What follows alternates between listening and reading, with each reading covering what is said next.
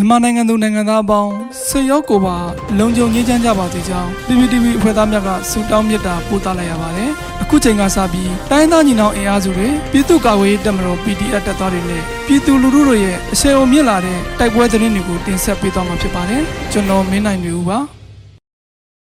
ပထမအဆုံးအနေနဲ့စကိုင်းရွှေဘိုဝက်လက်လမ်းပိုင်းနဲ့ချောင်းဦးတွင်စစ်သားများလိုက်ပါလာတဲ့ကားများမိုင်းဆွဲတိုက်ခတ်ခံရပြီးစစ်သား10ဦးတက်မင်းသေဆုံးတဲ့တဲ့ရင်တင်ဆက်ပါမယ်။စကိုင်းရွှေဘိုဝက်လက်လမ်းပိုင်းတွင်ဇူလိုင်လ9ရက်နေ့က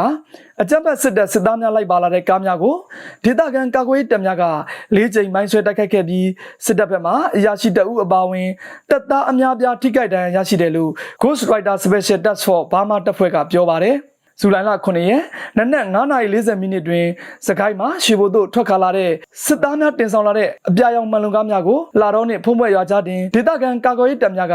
ပရိသာမိုင်း6လုံးဖြင့်ဖောက်ခွဲတိုက်ခတ်ခဲ့ပြီးကားမှန်များကွဲကစစ်သား10ဦးထိခိုက်ဒဏ်ရာရရှိခဲ့ကြောင်းသိရပါဗျ။ယမန်နေ့မွန်းလွဲ12:30မိနစ်တွင်ဝက်လက်မှာရွှေဘိုသို့ထွက်ခါလာတဲ့စစ်သားများလိုက်ပါလာတဲ့ဖော်ကားတစ်စီးနှင့်အရာရှိကားဟုယူဆရတဲ့ အိမ်စီကားတစ်စီးကိုမိုင်း6လုံးဖြင့်ထပ်မံဖောက်ခွဲတိုက်ခိုက်ခဲ့ပြီးအိမ်စီကားကောင်းပိုင်းကိုထိမှန်ကစုပ်ပြတ်သွားကြောင်းသိရပါတယ်။ယမန်နေ့ညနေ4:45မိနစ်တွင်ရွှေဘိုမှာ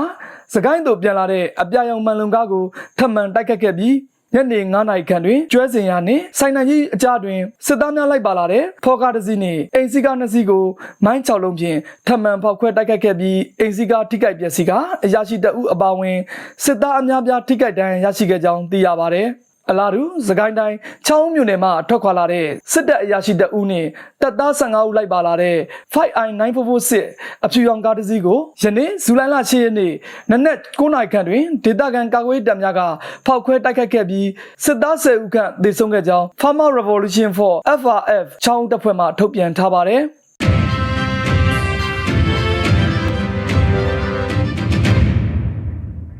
ဆက်လက်ပြီးမြောက်ရီဝေါ်လီကားလန်တိုက်ပွဲဗိုလ်ကြီးတအုပ်အပါအဝင်စစ်ကောင်စီတပ်သား9ဦးတက်မင်းတေဆုံးပြီးလက်နက်များရရှိတဲ့သတင်းတင်ဆက်ပါမယ်။ကရင်ပြည်နယ်မြောက်ရီမြို့နယ်တောင်ပိုင်းမြောက်ရီဝေါ်လီကားလန်တွင်အကြမ်းဖက်စစ်တပ်ရဲ့ခမရ209ကော်ဘရာစစ်ကြောင်းကြားယမန်နေ့ဇူလိုင်လ9ရက်နေ့တွင်ထိတစ်တိုက်ပွဲဖြစ်ပွားပြီးစစ်ကောင်စီဘက်မှဗိုလ်ကြီးတအုပ်အပါအဝင်9ဦးသေဆုံးပြီးလက်နက်ခဲယံအများပြားကိုသိမ်းဆည်းရမိကြောင်းကော်ဘရာစစ်ကြောင်းထံမှသိရှိရပါသည်။ အကြံဖတ်စစ်ကောင်စီရဲ့တပ်မ44လက်အောက်ခံခမရ200ခွန်ခလာရ8ခမရ204ခမရ9 ခမရ100နှစ်နဲ့လက်ယုံတပ်ဖွဲ့များဗိုလ်မောက်တော်ဦးဆောင်တဲ့ BGF အင်အား100ခန့်ပါဝင်တဲ့စစ်ကောင်စီစစ်ကြောင်းများဟာဖလူးလေဖလူးကြီးဒေသတွင်စုဖွဲ့၍မြောက်ရီဝေါ်လီကားလန်တစ်လျှောက်ဒေသများအားကျူးကျော်ရန်စ조사လာခဲ့ကြောင်းခမရ200ခွန်ပါဝင်တဲ့အကြမ်းဖက်စစ်ကောင်စီစစ်ကြောင်းဟာမြောက်ရီဝေါ်လီကားလန်ပေါ်ရှိဒေသအခေါ်သုံးတက်ကွေနေရာသို့ဇူလိုင်လ9ရက်နေ့တွင်ရောက်ရှိလာခဲ့ရာလုံခြုံရေးရယူထားတဲ့ကော့ဘရာစစ်ကြောင်းနှင့်ထိတွေ့တိုက်ပွဲများဖြစ်ပွားခဲ့ကြောင်းဇူလိုင်လ10ရက်နေ့မနက်9:00နာရီအချိန်တွင် အကြမ်းဖက်စစ်ကောင်စီဘက်မှဗိုလ်ကြီးတအုပ်စစ်မှုတအုပ်အပါအဝင်အလောင်း၅လောင်းအတည်ပြုတွေ့ရှိခဲ့ရပြီးစစ်ကောင်စီတပ်သားအများပြားထိခိုက်ဒေဆုံးဒဏ်ရာရရှိထားသည်ကိုတွေ့ရှိရကြောင်းကော့ဘရာစစ်ကြောင်းကသတင်းထုတ်ပြန်ထားပါတယ်အကြမ်းဖက်စစ်ကောင်စီရဲ့ထိခိုက်ဒေဆုံးစီရင်အားတိုက်ပွဲဖြစ်ပွားနေစေဖြစ်သဖြင့်အတိပြုနိုင်ရန်စစ်စစ်ဆဲဖြစ်ကြောင်းအကြမ်းဖက်စစ်ကောင်စီထံမှ MA1 တလန်၎ င်းကြီး5.56ကြီး485တောင်ကြီးပေါက်၄ခုအင်နာကဘုံသီးတစ်လုံးအခြားဆက်ဆက်ပစ္စည်းများတင်စီရမိကြောင်းကော်ပိုရာစစ်ကြောင်းဘက်မှထိခိုက်ကြဆုံးမှုမရှိခဲ့ကြောင်းသိရှိရပါတယ်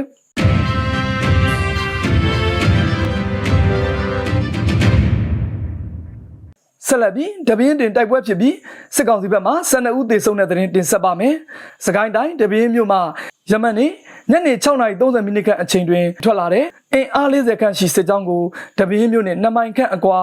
မဲတဲ့ရွာနှင့်ဝဘာရွာကြားတွင် DBRA တပ်ဖွဲ့ဗိုလ်မုတ်စိတ်အဖွဲ့ FRS တပ်ဖွဲ့ရွှေဘိုခရိုင်တပ်ရင်းစနစ်နှင့် Galaxy Fort တပင်းပကဖာတို့ပူးပေါင်းတိုက်ခတ်ခဲ့ရာစစ်ကောင်စီတပ်ဖွဲ့ဝင်12ဦးသေဆုံးကြောင်းသိရှိရပါတယ်။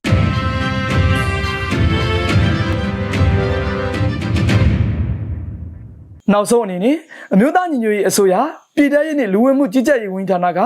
2022ခုဇူလိုင်လ10ရက်ရက်စွဲနဲ့ထုတ်ပြန်တဲ့ပြည်သူ့ခုခံတော်လှန်စစ်တရင်အချက်လက်တွေကိုတင်ဆက်ပေးသွားမှာပါအာနာသိန်းအကြက်ဘတ်စေအုပ်စု၏ပြည်သူလူထုအပေါ်အကြက်ဘတ်ပြီးနေဖမ်းဆီးတိုက်ခတ်တပ်ဖြတ်နေမှုများကိုပြည်သူလူထုတရလုံးကအသက်ရှင်သန်ရေးအတွက်မိမိကိုယ်ကိုမိမိခုခံကာကွယ်ပိုင်ခွင့်အရာပြည်သူ့ခုခံစဉ် People Divorce War ကိုဆွေးနွေးလျက်ရှိပါတယ်တ သတင်းချက်လက်များအရ9ရက်9လ2022ခုကြာသပတေးနေ့တွင်စစ်ကောင်စီတပ်ဖွဲ့ဝင်38ဦးသေဆုံးပြီးထိခိုက်ဒဏ်ရာရရှိသူ12ဦးအထိခုခံတိုက်ခိုက်နိုင်ခဲ့ပါတယ်စစ်အာဏာရှင်စနစ်မြမပြည်ပေါ်မှာအပြစ်တိုင်ချုပ်ငြင်းနေဖက်ဒရယ်ဒီမိုကရေစီတည်ဆောက်ရေးအတွက်ငြင်းချမ်းစွာဆန္ဒပြသည့်လူလူတပိတ်တိုက်ပွဲများကပြည်내နှင့်တိုင်းဒေသကြီးများမှာဖြစ်ပွားပေါ်ပေါက်လျက်ရှိပါတယ်မြေပြင်မှာယခုတွေ့ရှိရတဲ့သတင်းအချက်အလက်များထက်ပို၍ဖြစ်ပွားနိုင်ပါတယ်ခင်ဗျာ